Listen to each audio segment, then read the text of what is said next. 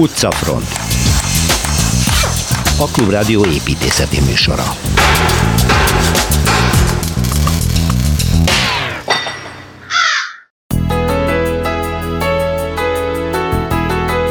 Délcsehországi úti cél következik Szilveszter Ádám Cseszki Krumlov bűvályos történelmi belvárosát mutatja be. Budapesti festő, mázoló és aranyozó ipartestület, kérem szépen, ilyen is volt egykoron, de pompázatos székházuk még ma is áll a Veselényi utcában, ahová Kelecsényi Kristóffal megyünk. Ugrás kissé távolabbra, Szicília, mégpedig a számunkra Csontvári által is nagyon kedves Taormina. Csak hogy a görög színház mellett Kovács Krisztina most olyan nevezetességeket mutat be, amelyekről eddig szinte semmit nem hallottunk. A stúdióban vendégünk Fischer Zsuzsanna statikus mérnök, aki Magyarország első női építészének, Pécsi Eszternek az unokája, nagyapja pedig Fischer József a 20. századi modern építészet kiemelkedő alakja.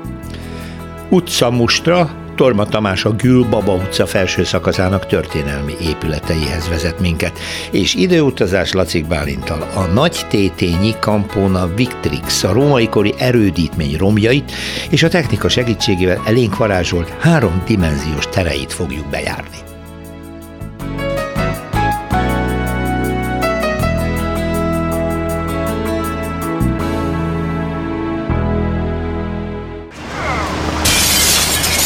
Városi tükör.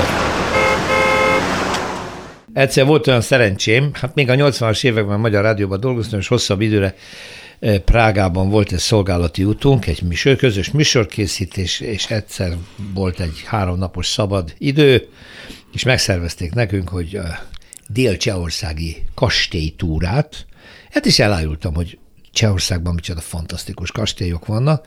Aztán Cseszke Budai utcában megálltunk egy napra, Ám, de akkor kihagytam egy várost, én most tudom, hogy, hogy mekkora hiba volt, mégpedig Cseszki Krumlovot.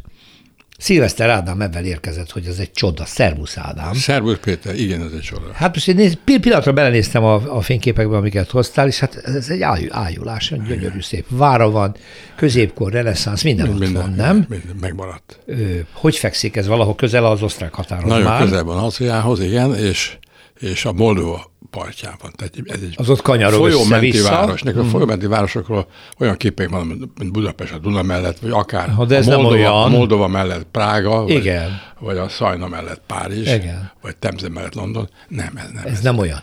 Azért, mert ez a, ez a Moldova itt kanyarog. Össze-vissza. De nem akár, nem össze-vissza, hanem, hanem inflekciókat csinál. Tehát Igen. A, itt besűrösödik, mert néztem a folyásában, sok a hegyek között sok dolga van, de itt van egy hatos számú inflekció. Aha. És úgy néz Mint ki, egy színuszgörbe. Három színuszgörbe. Három színuszgörbe pontosabban. Igen, igen csak a, a közé, van egy, a, a, az a középső a város szempontjából, ahol egy ilyen omega alakú, szinte már sziget, majdnem össz, úgy arra érkezik vissza. vissza És itt, itt alakult ki az óváros ennek a városnak. Cseszki Krumlov. Aminek a, a, a történet az érdekes, mert kiváló családok épített. 1250-ben Vitkovciak nevű család, és, és úgy néz ki, hogy itt megtelepültek mindjárt ugye vízimolnárok, mert hát értető. Hát meg mindenféle ipar, iparok, és vígan értek, mert, mert kellemes hely volt. És úgy néz ki, hogy ez a romanika és gótika idejében épül ez a kicsi város, tehát földszint plusz földszint plusz egy emelet. És hát megépítik a templomaikat, amik aztán persze bővülnek mert ugye a lakosságszám is növekedik. Utána megérkezik egy Rosenberg család. A Rosenbergék az azért érdekes, mert ezek nem csak, hogy gazdagok voltak és befolyásosak, hanem az értelmiség által is elismertek, és kultúrát teremtettek. És építik tovább a várost, mikor ilyen nagyon nagy léptékben. Azt tudjuk, és, hogy a Rosenbergék honnan jönnek? Németek. Németek. Né- németek. Németek. németek. Sok, itt, Német sok... zsidók, vagy németek? Németek. Németek. németek igen. Mert a Rosenberg akár lehetne zsidó igen. is. Na most ők, ők, ők kihalnak, és akkor a másik Rudolf császár megveszi a várost.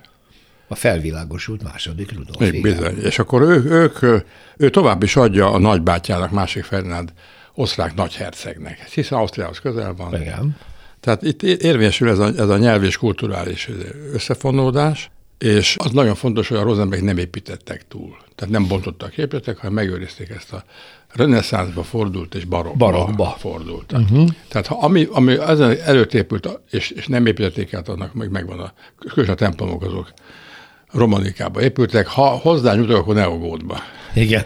a 19. században, tehát fejlesztettek, de nem bontottak. Na most ez azért érdekes, ez, ez az óváros, mert ugye közepén van egy nézet alakú tér, ahogy kell, ahol a házak ugye merőlegesen állnak, ugye gíbelel a, a, a, tér, a tér felé, és van ott egy, egy pestis emlékmű és egy Mária szobor egymás mellett, és egy kút. A különböző időkben különböző tartalommal, de írta jól megférnek egymásra. Igen.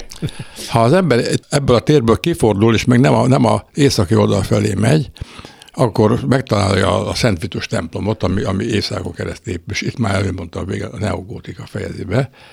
Ez egy nagyon szép, és azért érdekes, mert ez a, ez a sziget, majdnem szigeti alakuló középső dolog, ez, ennek érdekes, mert egyik oldala magasabb, és észak felé lejt. És ez, ez a magaslaton szintén kitolva egy ilyen magas sziklapartra, ott áll a templom, nagyon jó pozícióban. És mellette van egy nagyon szép barokk épület, ez a városi könyvtár. Na most akkor menjünk a legérdekesebb tér felé. A? A vár, felé, a vár felé. Amikor az ember kiindul észak felé ebből a térből, akkor nagyon hamar eléri azt, azt a visszaforduló ágat, ahol ha az ember száll, egy óriási magas sziklafalat lát. Uh-huh. És a sziklafalon állnak épületek, és ráadásul lát egy ilyen, ilyen nagyon mélyre alapozott, és nagyon hosszú lábú, mint, mint, mint rondába a híd, ugye, ívekkel épített valami fajta furcsa összekötő fehér mészköve burkolt tagadott, ami egy másik épülethez vezet, és sok épületet lát. Induljunk el, nézzük meg. És van egy utca, ez a másik oldali utca, ami szépen emelkedik, itt érdemes egyébként esténként megállni, és itt a legjobb sörök vannak. Sőt, hát, itt van nyilván, az, al- országban az alkimista ház, Igen. ami volt itt a, a Rosemegnek egy ilyen, eltartottak egy ilyen kótyagos pajt, aki mindenféle jövendőlt, meg fontos volt, de lényeg az, hogy aztán, amikor ez kihalt, akkor egy sörfőző lett, és előbb, mint, mint a pilzeni. Na, tessék. Igen, második Rudolf korában az alkimisták, a csillagászok, a tudósok ugye Igen. fénykorukat értek, mert a és uralkodó nagyon támogatta ezeket az úgynevezett Igen. tudományokat, Igen. tehát nem úgynevezett, mert hát ugye Prágában ebben az időben Tiho Brave, Brahe, Hogyne. a ez, ez híres egy, csillagász tevékenység. Ez egy kolontosabb ügy volt. Igen, hát ez egy kis alkimista. De jó, jó, hogy De kell fenntartották, és méltó, méltó átalakra. Na, az ember fölérkezik a platóra, és akkor hirtelen vissza kell forduljon ugye, nyugat felé, egy, és ott egy bemegy egy kapu, és benne az első kertben. Na most ez a vár az érdekes, mert ez a másik legnagyobb vár Csehországban? Tényleg? A Hradzsina nagyobb.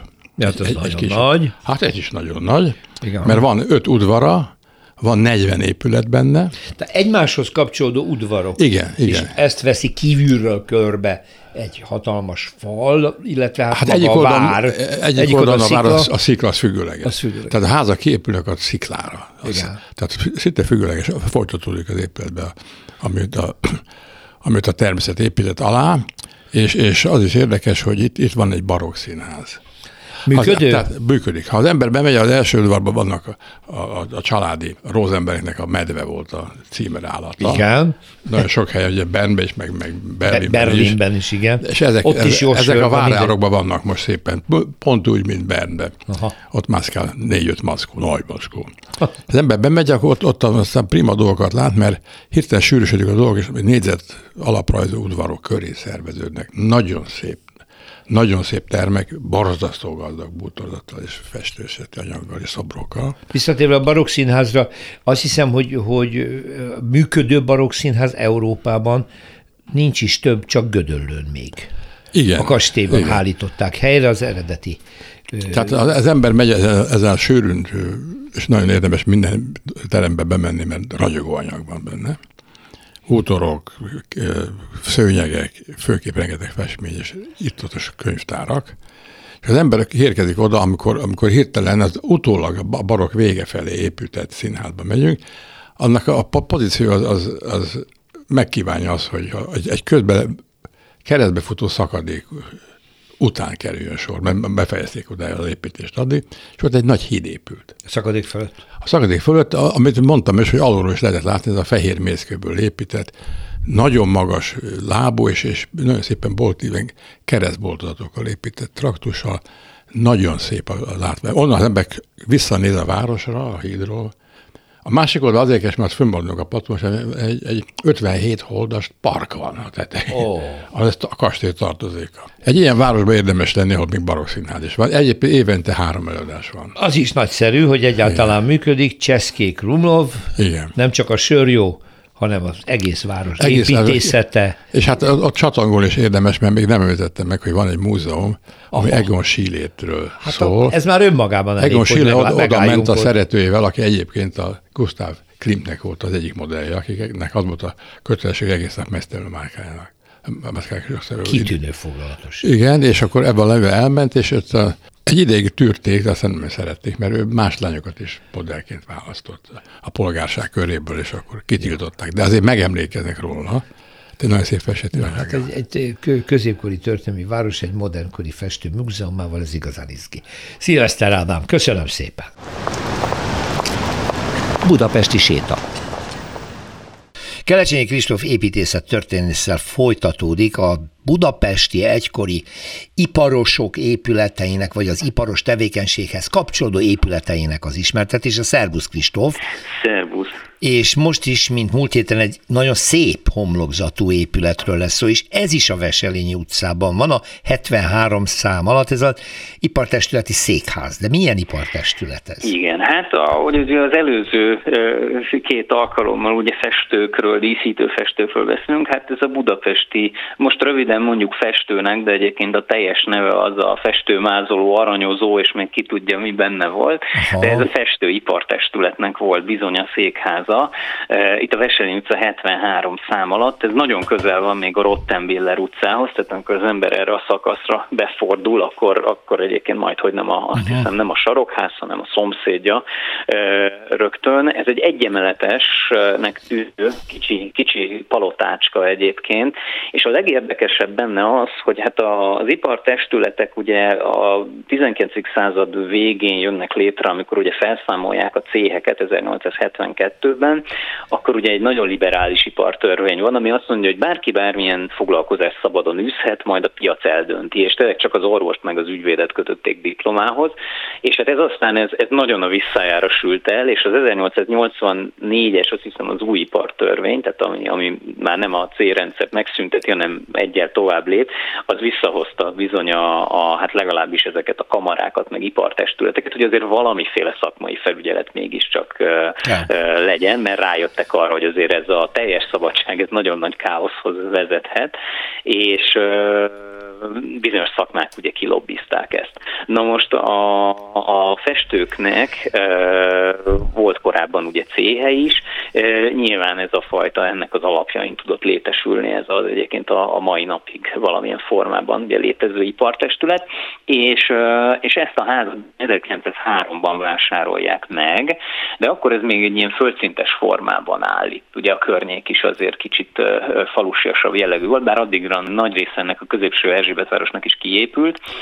Ugye nagyon közel vagyunk az állatorvosi egyetemhez, a keleti pályaudvar, ugye ott a Rottenbiller utca végén a Barostéren, szóval azért már ez egy nem egy olyan veteményesekkel és kermagászkertekkel teli, hogy mondjam, nem pusztaság, de külváros, mint az előtt egy 15 évvel, és 1903-ban megveszik ezt a földszintes épületet, és ami a meglepő, hogyha ránézzünk erre a házra, akkor azt látjuk, hogy hát ez valami dualizmuskori épület, gyönyörű szép homlokzattal, van a mindenféle festés, technika megjelenik a homlokzatán, az oszlopokon, a párkányok felületein, és aztán az ember, aki kicsit utána a történetének, akkor meglepőzve tapasztal, hogy egy 1929-es épület, uh-huh. ami hát ugye már elég távol van a dualizmus időszakától.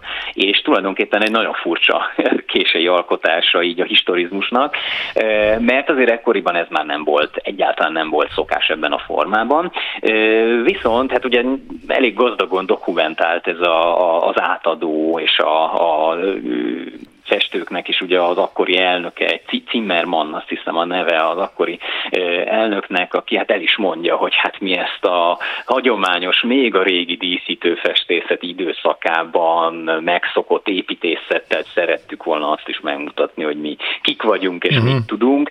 Hát nyilván ugye ez egy probléma lehetett, vagy hát legalábbis a szakma erősen változhatott, hogy ugye a, azért, ha ismerjük valamennyire a, a, a korabeli lakásbelsőket, akkor amíg mondjuk 1880-ban meg 90-ben nagyon-nagyon gyakori volt, hogy az emberek kicsit többet szerettek volna, kicsit szerettek volna hasonlítani arra, hogy a főúri kastélyok kinéznek, és ezért mindenféle színeket, mindenféle mintákat kértek. Ugye a 20-as években azért már egyrészt századfordulós tendenciák utána, ugye első világháború, minden egy kicsit ugye egyszerűbb lesz, vagy hát ugye kialakul egy ilyen törekvés, olcsóbb, egyszerűbb, és hát az, ember, az egész ember, emberiségnek, és nyilván a budapestieknek az életvitele is jelentősen megváltozott, és ugye sokkal elterjedtebb lett az, hogy fehérre mázoljuk, messzeljük, festetjük a, a szobákat, a helységeket, és ez valószínűleg erre volt valamiféle ilyen kicsit dacos konzervatív reakció, válasz, igen. Egy konzervatív álláspont, hogy hát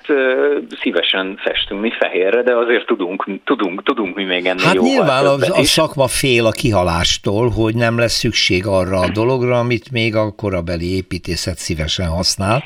Hát igen, és ez és jogos félelem volt, sajnos, ez vagy jogos nem sajnos? félelem volt, mert ha, ha belegondolunk, ma ki az, aki díszítő festést festet a saját lakásába? Az nem legfeljebb a Donald. Donald Trump, de, de más nem nagyon. tehát, hogy, tehát, hogy tényleg, tehát, hogy, hogy Lakásban nem, nincs, igen. Nincs a műemlékeknél van igény már csak ilyenekre. Így van, így van, így van, így van. Szóval ez ma már nem egy iparos tevékenység, hanem hát a restaurátoroknak a, a, a terepe, és úgyhogy egy jóval, jóval szűkebb, úgyhogy itt egy, egy ilyen tulajdonképpen akkor a, a szakma egy részének kihaló félben lévő tevékenységi köre az, amiről itt ebben megemlékeztek így 29-ben, de meg kell mondanom, hogy a palota egyébként tényleg nagyon szép és, és jó arányú, és van egy belső gyönyörű díszterme, uh-huh. azok a nagy első emeleti ablakok, hogyha az ember fölnéz, azok mögött van ez a, ez a nagyon szép díszterem. Uh-huh. Nagyon szép ház, érdemes ezt is megnézni. Még egyszer mondom, Veselényi utca, 73, ugye? Így van. Nézzük meg, Kív, legalább kívülről gyönyörködjünk benne. Kelecsényi Kristóf, nagyon szépen köszönöm, szervusz. Szervusz. Utcafront. Ebben a műsorban már többször beszéltünk, hát nem is egyszer tényleg a, például a Walter Rózsi villáról, különösen, hogy azóta, hogy ezt felújították, és a építészeti múzeum egy része már oda beköltözött, és ugye mind Kelecsényi Kristóf, mind Torma Tamás is sokszor hivatkozott az építető párra, Fischer Józsefre és feleségére, aki az első építésznő volt Magyarországon, Pécsi Eszter, aki elsőként szerezte meg a műszaki diplomát ebben az országban. Ez egészen pontosan 1920-ban történt, és akkor öt hölgytársával együtt lettek diplomás mérnökök. Ez egy szép történet a magyar építészet történetben, és a Klubrádiónak van egy Filmklubrádió című műsora, aminek egyik rendszeres nézője, látogatója egy kedves hölgy, aki egyszer odajött hozzám, és azt mondta, hogy hát az a helyzet, hogy ő a Pécsi Esztenek az unokája, Fischer Zsuzsa. Jó napot kívánok, kedves Zsuzsa! És hogy az a helyzet, hogy ön is építész. Statikus vagyok, és a és nagymamám is statikus. Hát ő is statikus volt, igen. Tehát ő eleve, eleve a statikai pályán indult 920-ban? Igen. Mint első női mérnök. Aha. Igen, és ami nagyon érdekes ezzel kapcsolatban, hogy bármennyire emancipált hölgy volt az én nagymamám, március 8-án született. A és nőnapon. A, a nőnapon, és a diplomát is március 8-án akkor kapta. kapta meg. Ja, hát akkor is akkor ugye Fischer József, a híres modernista építész lett a férje, az ön nagypapája, és ezt a Walter Rózsi villát, amit említettem, ők már közösen tervezik, ugye? Igen. Ez már neki. És akkor ők együtt dolgoztak végig Fischer József és Pécsi Eszter onnantól kezdve? Hát úgy szokott ez lenni, hogy az építész egyedül dolgozik, de a statikus az több építéssel dolgozik, dolgozik együtt. együtt, mert hát az építészet több időt vesz igénybe, az egyeztetések, stb. És hát a nagymamám nyilvánvalóan másokkal is dolgozott, nem csak a férjével. Persze, ezt én gondoltam, de hogy többnyire, hogyha Fischernek egy komoly tervezői munkája volt, akkor a statikai... Az biztos, hogy a nagymama. A nagymama csinálta a dolgot. Van személyes élménye? Nem is kevés. No, meséljen nekem a nagymamáról. Hát Magyarország egy... első női mérnökéről, akinek a nyomdokába lépett. Ezt sokan vitatják, de én 57-ben három éves voltam, és előtte rendszeresen találkoztunk a nagymamával, hogy én nekem két éves, meg másfél éves koromból is van emlékem, hogy emlékszem a mosolyára, a lépésére, a zene szeretetére, a lakásukra ebből a korból. Az is megvan a lakásnak a belsője?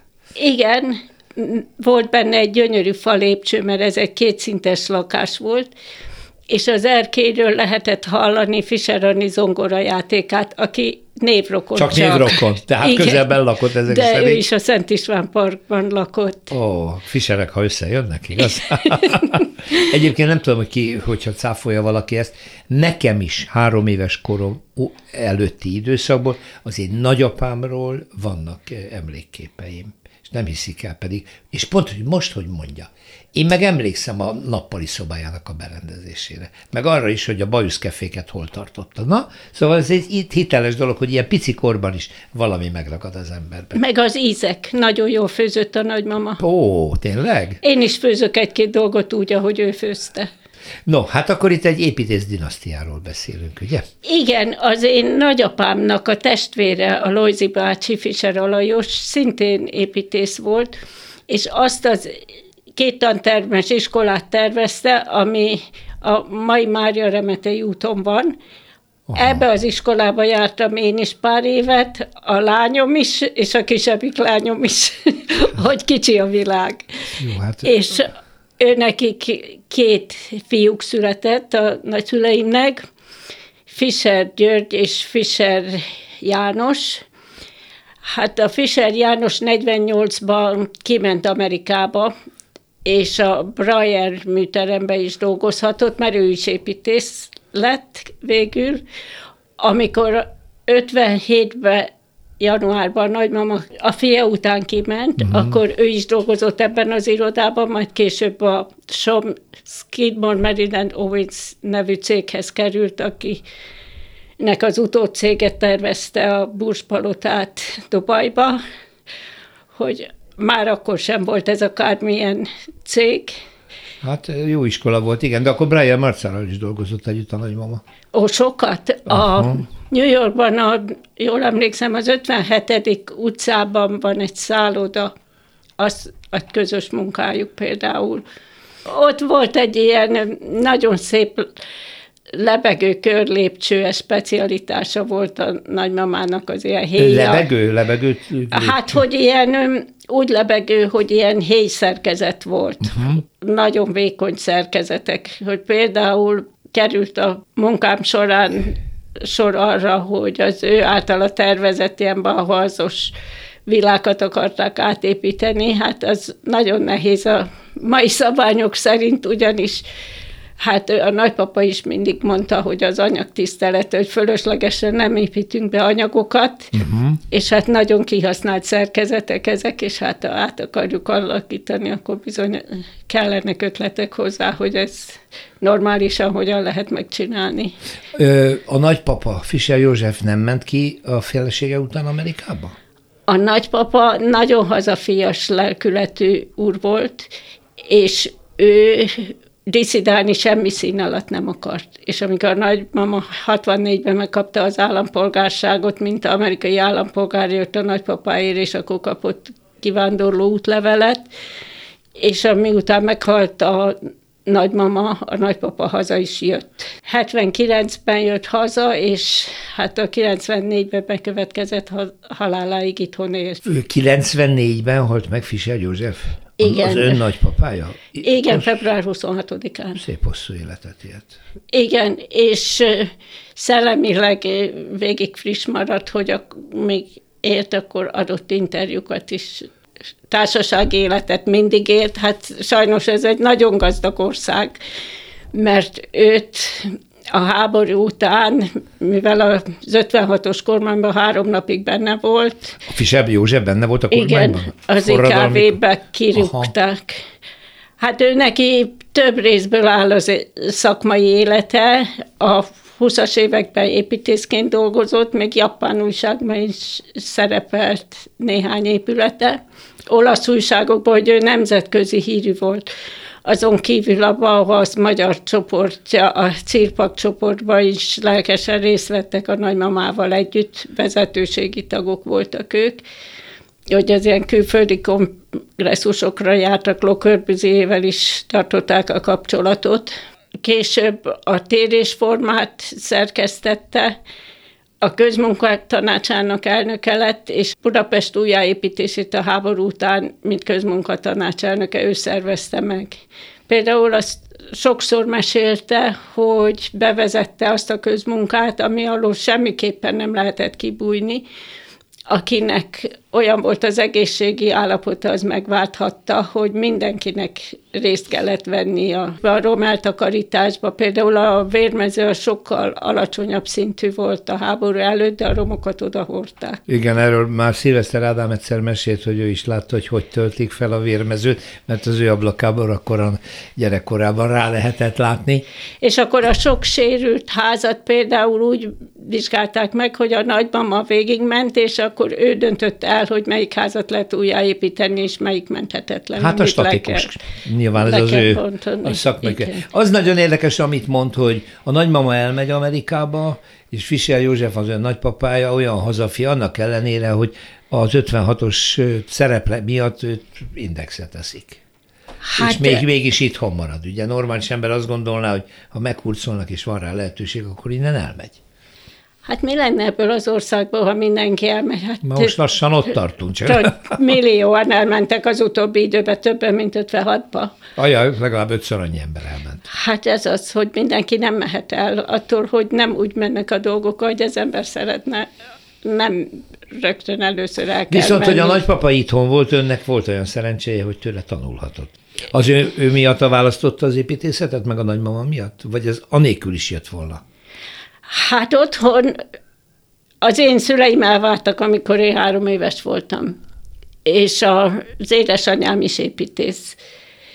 Ő tervezte például a Füredi Annabellát, hogy ő kétszeres díjas építész, hogy én már egész kis koromban a rajzokban kifesthettem a falakat pirosra, stb., mert régen úgy kellett beadni a terveket, hogy színesek, és ki kellett festeni. Hát akkor már gyerekkorában bekapcsolódott a tervező munkába ezek Vagy szerint. ha anyám még pályázatot csináltak, akkor én csináltam a sraffozást, meg hasonlókat. Aha. Például a Nemzeti Színház pályázatokon is többször elindultak, mert abból se egy volt de aztán hát, hát az egy mind... elég érdekes épület épült föl, Ezt fogalmazzunk így. Nagyon finomak vagyunk, és lépünk is túl rajta, jó? Úgyhogy...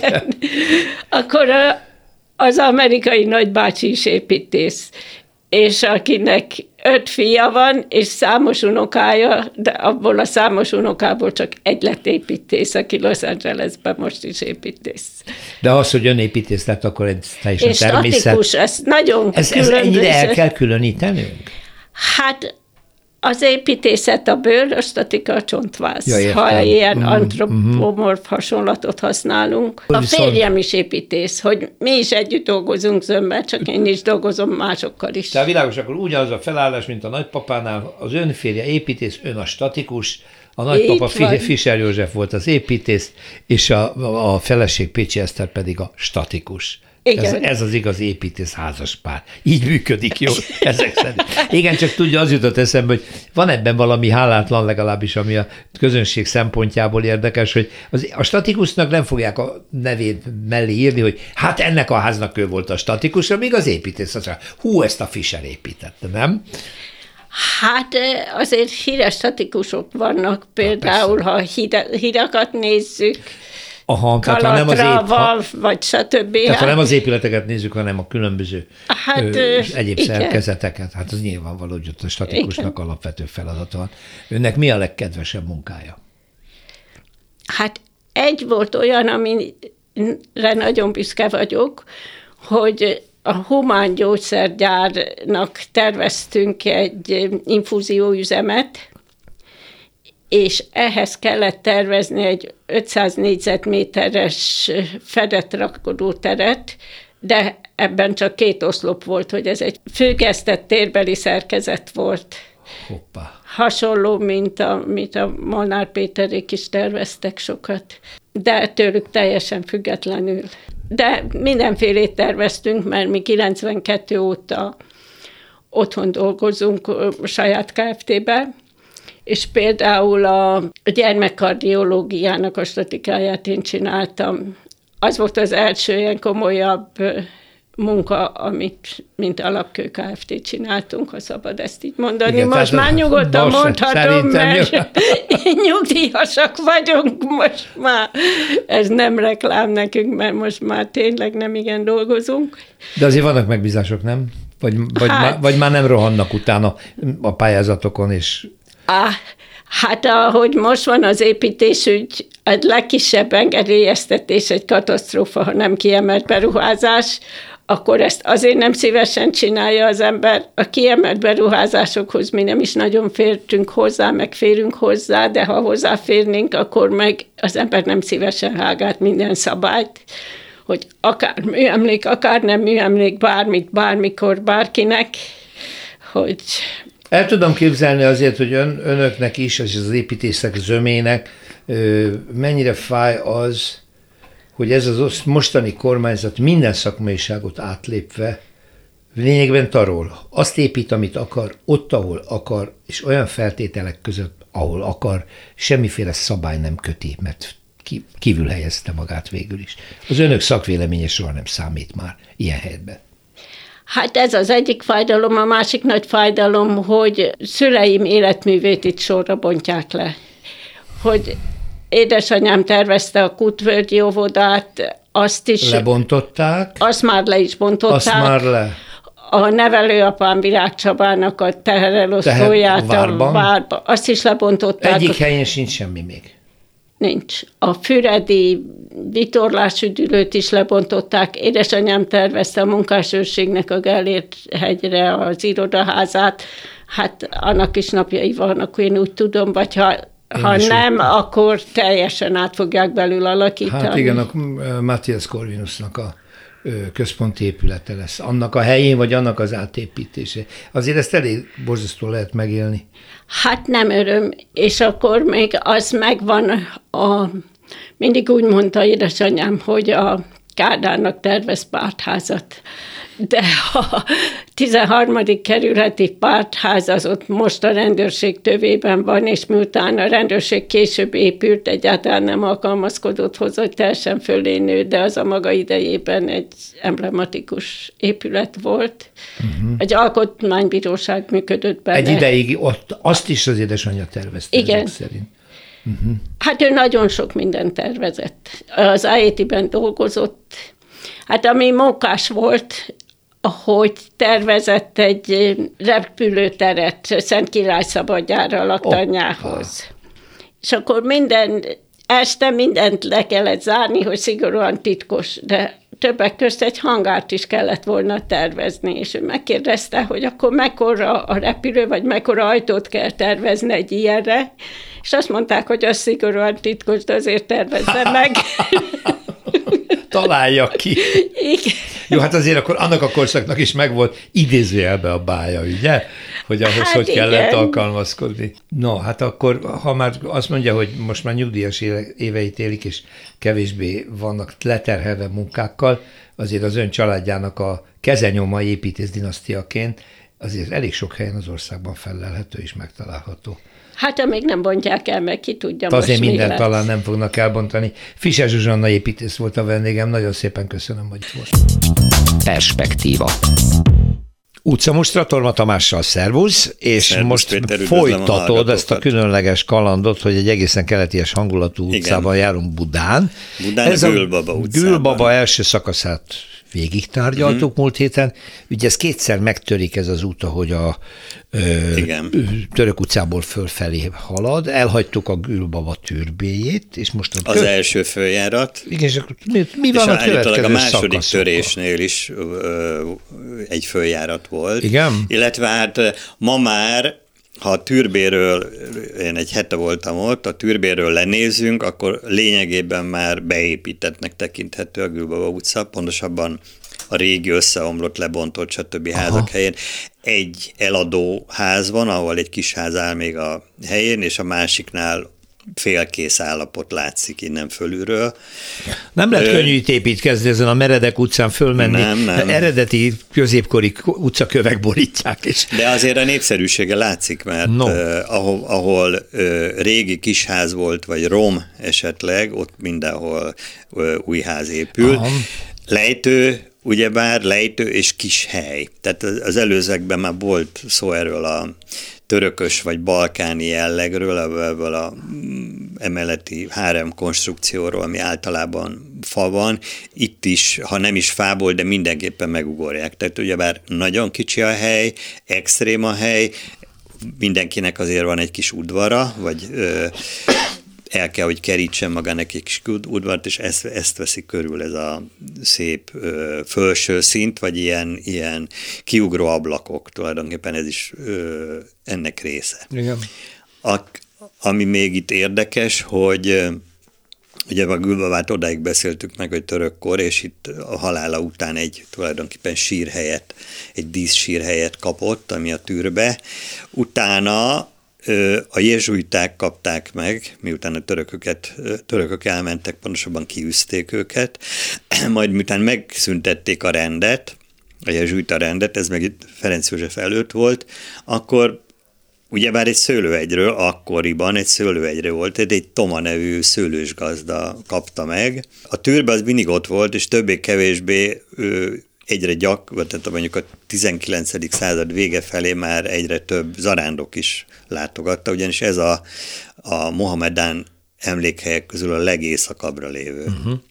És akkor egyszer csak valaki megvásárolta és épített köré egy villát, tehát a korai rózsadom képeken egy kápolna látszik, és a Wagner villa amit, amit ugye bár mindenki keres, hogy megpróbál valami később épülettel beazonosítani, hogy hogy, de nem, mert az már nincs, hiszen a, a tűrbe jelenlegi kiépítettsége követi, ugyanis a, a Wagner úr körbeépítette a tűrbét nagyon Ezt elbontották, vagy megsérült? Nem tudom, azt jó, inkább, el, inkább elmondottam. X, erre jó, mondják értem, azt, hogy jó, mindegy. Már nincs a Wagner villa, és igen, a tűrben ki van építve gyönyörűen a mai kurzus ezt a török-magyar barát, megbonthatatlan barátság Igen. jeleként felújította, avatta, maga Erdogán is erre járt éppen véletlenül természetesen, és biztos hozott rózsát is, mert ott valamikor rózsákat termesztettek. Igen, de mondtam már korábban is, hogy elképesztően, tehát mindenkinek javaslom, hogy nézzen be ezekbe a kis teraszkertekbe, amik a túloldalon a Becset utca felől vannak, és még egy híres lakó, akit no. az utolsó pillanatban sikerült megtalálnom egy fortepán kép alapján, Bárci István. Oh az iskolaépítő, a híres iskolaépítő pol, főpolgármester. főpolgármester. Szerintem Tízes két évek. résszel ezelőtt a Bajza utcában emlegettük, igen, igen. mert az a Bajza utca végén igen, álló az iskola is az ő, az ő időszakában szerint épült, épült és öregkorára ide vonult vissza. Az első kép, amit találtam, nagyon érdekes volt, mert az volt a kép aláírás, hogy a, a kertben állnak, a, a lánya esküvőjén. Gülbaba utca, két részletben Torma Tamástól köszönöm. Jövő hét Buda, Buda vagy Pest? Pestre. Pestre megyünk. Az eddigi logikát követve belváros. Köszönöm szépen. Utcafront. Volt már szicíliai utazásunk Szilveszter Ádámmal, és hát érintettük Taorminát, és most kiderült, mert mikor Kovács Krisztina szakújságíró egy kis silabuszt adott nekem, hogy mi mindent kéne megnézni Taorminában, hogy tulajdonképpen ezek közül egyikre sem tértünk ki. Ádámmal, szervusz Krisztina. Szia Péter, most szép akkor jó direkt ki akarsz velünk babrálni, hogy olyasmit akarsz nekünk elmondani, amit senki nem ismer? Nem, bár igazság szerint azért kicsit ingerült voltam, amikor a 17. ötletemre mondtátok, hogy hát ezt már az Ádám elmondta. Hát igen. az Nézd, az igazság, hogy, hogy nekem nagyon nagy szerencsém volt, mert két hetet voltam Taorminában. Hú, az, az már igen. Tehát az, az úgy kicsit más, és, és hát akkor úgy van, van ideje az embernek fölfedezni, mert amikor ilyen szokásos Szicília körutat csinál az ember, akkor, akkor általában gondolom, ilyen fél egy napokra megy, megnézi a fantasztikus kilátást, a meg megnézi színházat, a fantasztikus görög színházat, ami úgy egyébként inkább római. Le meghajol Igen, és hát aztán vesz jobb esetben egy kis borozni, az, és kész. az Na. se rossz. Na ugye. De hát, hogy közben az az igazság, hogy, hogy Taormina elképesztően gazdag, és nagyon pici. Tehát ha valaki mondjuk a hallgatók közül még nem járt ott, akkor képzelje el Szentendrét, körülbelül ez a nagyság, tehát még csak nem is város, hanem városka, csak hát ugye így fölrakva egy hegy oldalra. Tehát a vízszintesen csak egy irányba lehet közlekedni, hogyha a másik irányba akar menni az ember, akkor már nagyon sok lépcsőt kell mászni ezzel a pizzákat egyensúlyozni lehet. De hát amit érdemes róla tudni, hogy nagyon-nagyon régi, ugye ez egy görög gyarmat volt. Igen. És minden van benne. Tehát a, az arab nekropolisztól kezdve a norman építészeten keresztül csak templomból van benne 20. Hm. És hát ezek nem egy ilyen, ilyen hatalmas katedrálisokat kell elképzelni, hanem nagyon picikék, és általában ókori romokra épültek. Tehát, hogyha az ember mondjuk nem a görög színházhoz megy, hanem előtte megáll szerintem körülbelül 50 méterrel, akkor van egy Szent Katalin templom, aminek a hátoldalában van egy ugyancsak görög színház, amit úgy hívnak, hogy Odeon, és ezek olyan, olyannyira egymásra épültek, hogy belelóg a templom a, a színházba, uh-huh. és hogyha bemegy az ember a templomba, akkor a lába alatt egy ilyen kis helyen hagytak egy lyukat, úgy, mint nálunk a, főplé, a belvárosi főplébáni a templomba, és az alatt lehet látni a, a, az ókori romokat. Mo- Tehát, hogy ilyen, romokat. ilyen fantasztikusan egymásba ér az egész, és ami engem nagyon lenyűgözött, ez az olaszoknak, ez az elképesztő elegáns semmibevétele az időnek, mert hogy, mert hogy ők ugye itt élnek fal-fal, úgyhogy akkor ő bele fogja tenni a 1500 éves falba a kültéri egységét a klímának, mert hát nincs más, hát nekik csak ilyen régi falaik vannak. És erre ott jöttem rá, amikor nagyon nehezen találtam meg a másik nagyon régi ókori romot, amit úgy hívnak, hogy Neumakie. Neumakie? Igen, ez azt jelenti, hogy tengeri csata, hm ami egyébként egy teljes félrefordítása, vagy félreértelmezése a dolognak, mert hogy pár száz évvel ezelőtt, amikor még így a, a műemlékvédelem, meg a műkincs vadászat kezdett divatba jönni, akkor, akkor kitalálták, hogy, hogy ezen a helyen tengeri csatákat csináltak. Ez két utca között, gyakorlatilag egy fél utca, tehát le kell menni egy lépcsőn, és ilyen kis, kis árkádok, 18 darab árkádok, árkádot lát az ember balra. Egyébként lehet ott piknikezni, nézni, oda nyílnak a, az éttermeknek a, az ablakai a másik oldalról, és biztos, hogy köze volt a vízhez, mert az elején van egy, egy ciszterna, és hát időszámításunk szerint a második századból származik, és hát a mi, mi idegen vezetőnk, ő, nekünk, hogy úgy, itt ugyan a kollégái azzal szokták eladni, hogy itt voltak a tengeri csaták, 18 méter hosszan, tehát biztos, hogy valamilyen maketről, maketről lehet beszélni, de hogy valójában ez egy függőkert rendszer lehetett, tehát víz-víz, igen, de locsolás, nem pedig, nem pedig háború.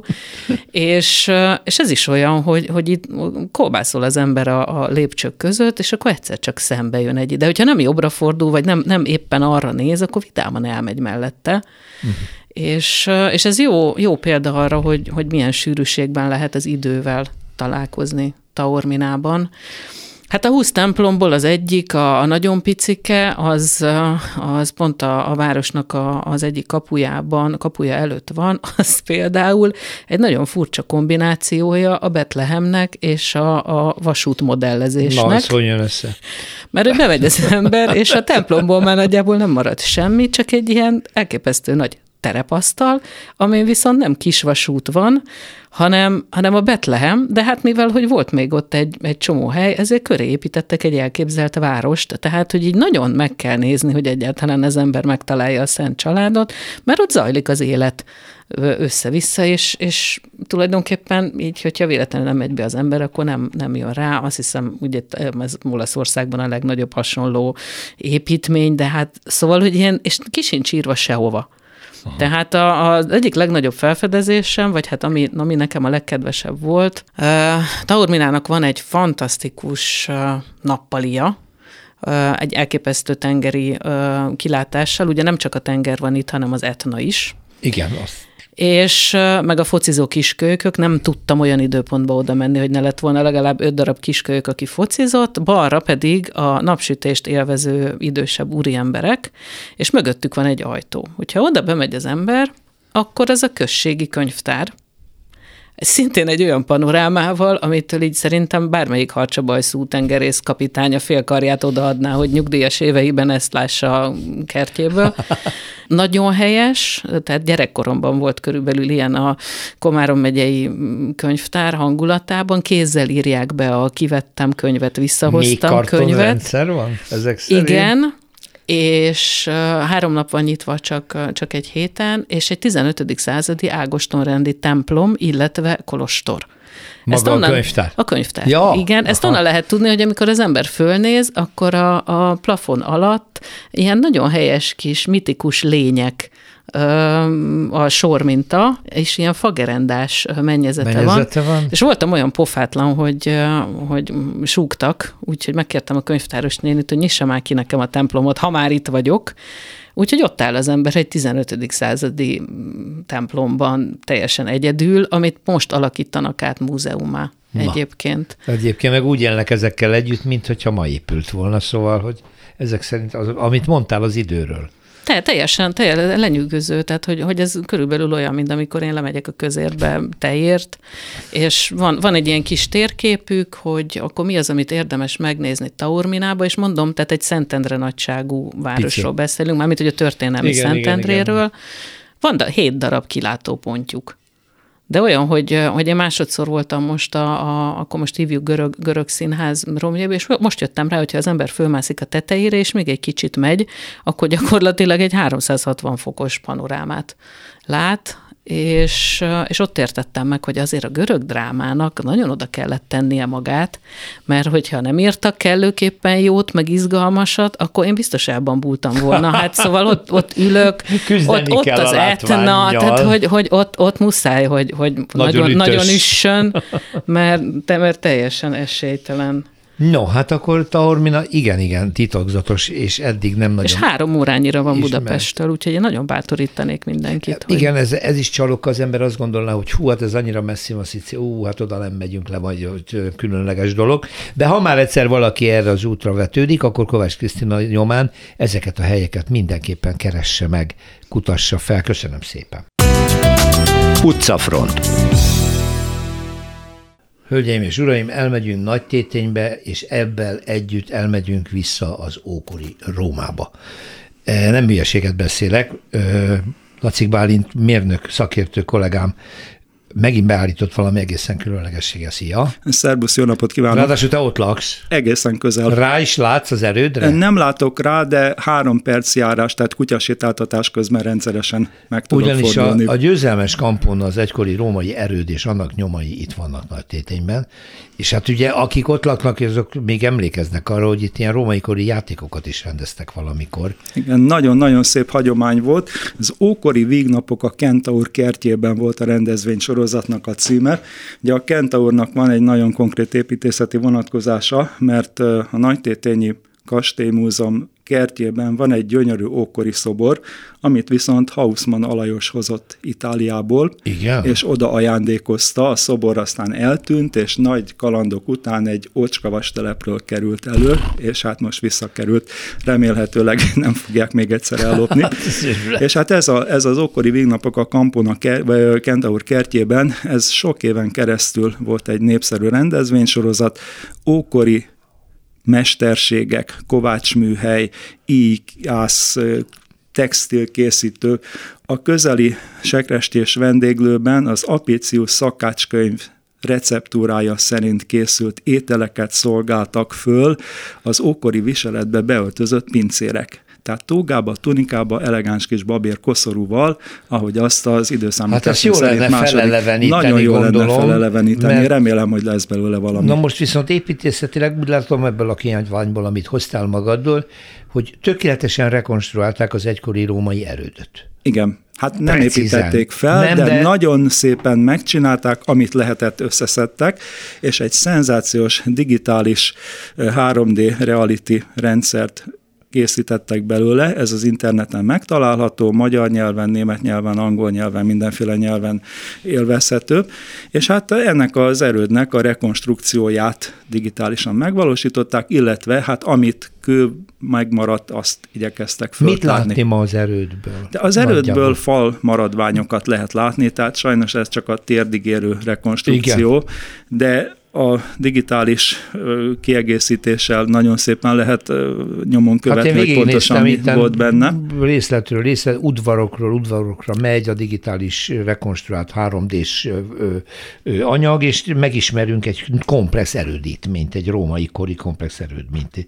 De itt a könyvben látom, hogy azért az ásatás eredmények elég gazdagok. Ásatási eredmények nagyon gazdagok, és hát ezeknek egy része a Nemzeti Múzeumban van, tehát olyan, olyan nagyszerű leleteket értékeket találtak, hogy például több mint tízezer darab érmét leltek föl itt, ami egy komplet légiós csapategységnek az éves zsoldját tartalmazta.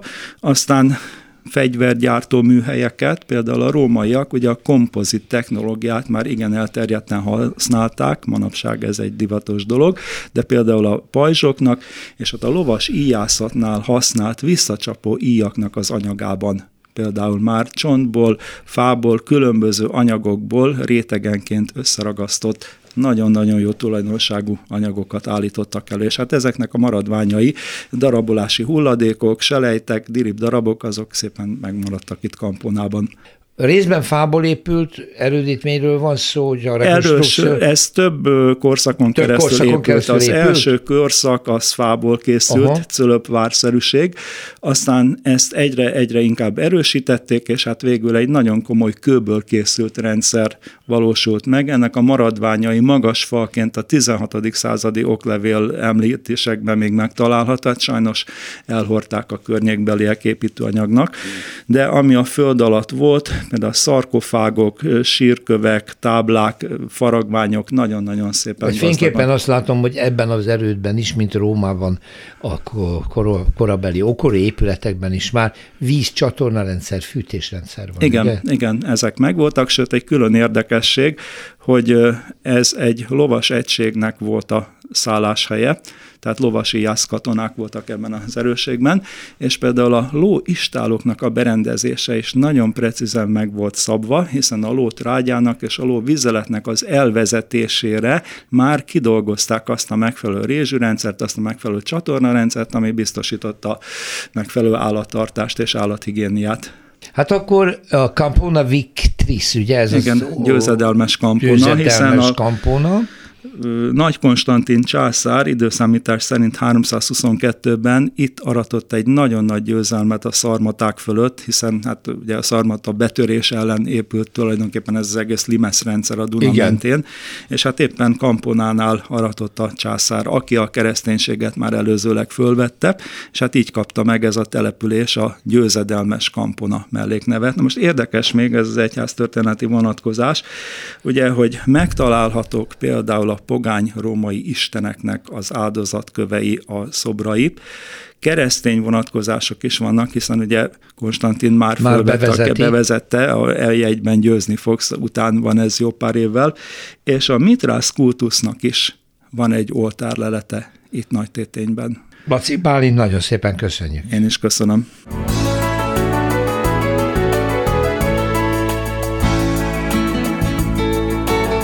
Köszönjük a figyelmüket, az utcafontot hallották, a műsort Árva Brigitta szerkesztette és Rózsa Péter vezette. Egy hét múlva várjuk Önöket.